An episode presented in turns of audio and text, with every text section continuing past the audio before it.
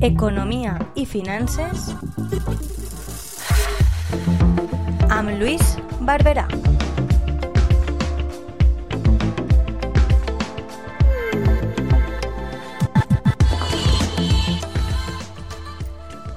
Hola amigos y amigas de la Toba Radio.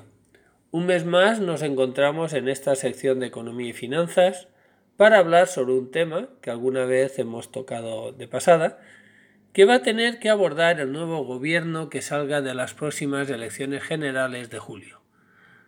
Así que el título de este es La deuda pública española, el gran problema a solucionar. Mirad, cuando anteriormente dije que cuando empezamos esta sección íbamos a intentar explicar los fundamentos económicos y financieros de una manera simple, o por decirlo de otra forma, sencilla de entender, y el montante, o sea, la cantidad de deuda pública que soporta nuestro país es una burrada, tengo que explicar con palabras claras que va a ser nuestro bubo, como decimos por esta tierra, o nuestro hombre del saco, como queramos decirlo. Y esto va a durar los próximos cuatro años. Y es que el conjunto de nuestras administraciones públicas deben a marzo de 2023 la cantidad de 1.535 miles de millones. O sea, 1.535 veces mil millones. Fijad que no lo pongo en billones con B, pues muchos ni se enterarían si digo que la deuda pública española es de 1,535 billones. Así que lo repito clarito del todo. Debemos mil millones durante 1.535 veces. ¿A qué ahora se entiende? En definitiva, debemos el 113 de nuestro PIB o Producto Interior Bruto. Según el gobierno actual, que será o no será el mismo en julio, aseguraban que el déficit público se reduciría al 3% en 2024, un año antes de lo previsto, que era finales del 2025. Pues aseguraba que controlarían el gasto público, confiaban en un mayor crecimiento económico, pensaban que el mercado laboral iba a ser dinámico y sobre todo incrementarían los ingresos, o sea, se subirían impuestos. Si resulta que acabamos el 2022 con un déficit del 4,8% y aseguran que lo dejarán en el 3% al finalizar 2024, o sea, en dos años, eso sería reducir un 1,8%. Pues a mí no me salen las cuentas. ¿Cómo vamos a reducir el déficit si resulta que lo hemos subido en 15.000 millones entre febrero y marzo? Porque la deuda de la Administración Central es de 1.388.000 millones de euros en marzo de 2023. O sea, creció un 6,2%. Si miramos a las comunidades autónomas, han subido un 4%. Y las corporaciones locales, o sea, los ayuntamientos, un 2,6%. Y la seguridad social ha alcanzado ya los 106.000 millones, un 7,8% del PIB.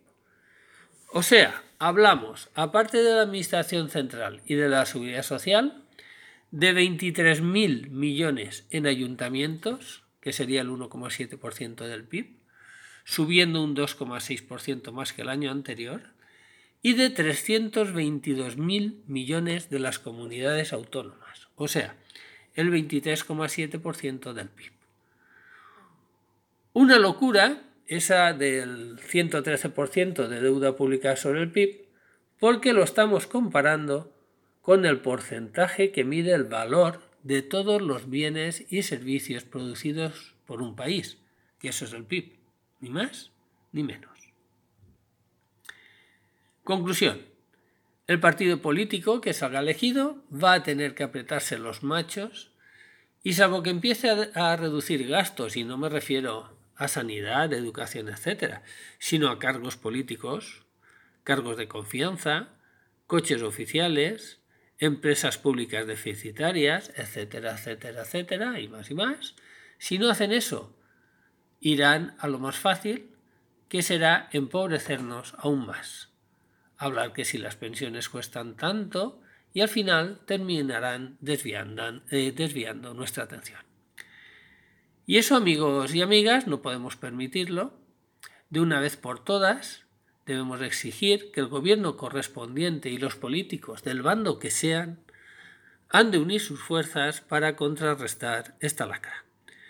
De ello dependerá nuestro estado de bienestar. Como he dicho alguna vez, un país, una comunidad, un pueblo se han de administrar como se debiera administrar una casa. Si gastamos más que ganamos, al final quebramos. Hoy es como si fuéramos una familia completamente endeudada y ahogada, con una hipoteca en la que solo hace que subir la cuota mensual porque los intereses suben, con préstamos personales y hasta con tarjetas y hay que llegar a fin de mes.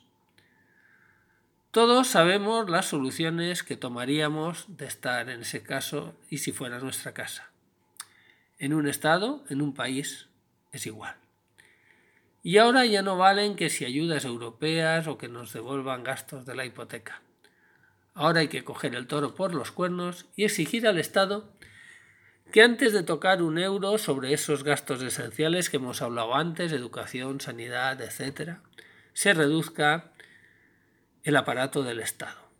Verdaderos pozos de tirar dinero y una lacra permanente que impide desarrollar los sectores que realmente nos harían un país más rico y modernizado. No nos podemos quejar, somos la catorceava economía mundial, un reto que es producto del esfuerzo de un país. Pero no nos equivoquemos. En 1978, es decir, hace 45 años, éramos la onceava potencia económica mundial. En fin, amigos, algo más para pensar. Un fuerte abrazo para todos vosotros, para todos los escuchantes. Y os recuerdo que me podéis seguir aquí en Atoba Radio, nuestra sección de Economía y Finanzas, y también en Facebook e Instagram como las novelas de Luis Barbera. Un fuerte abrazo para todos. Adiós.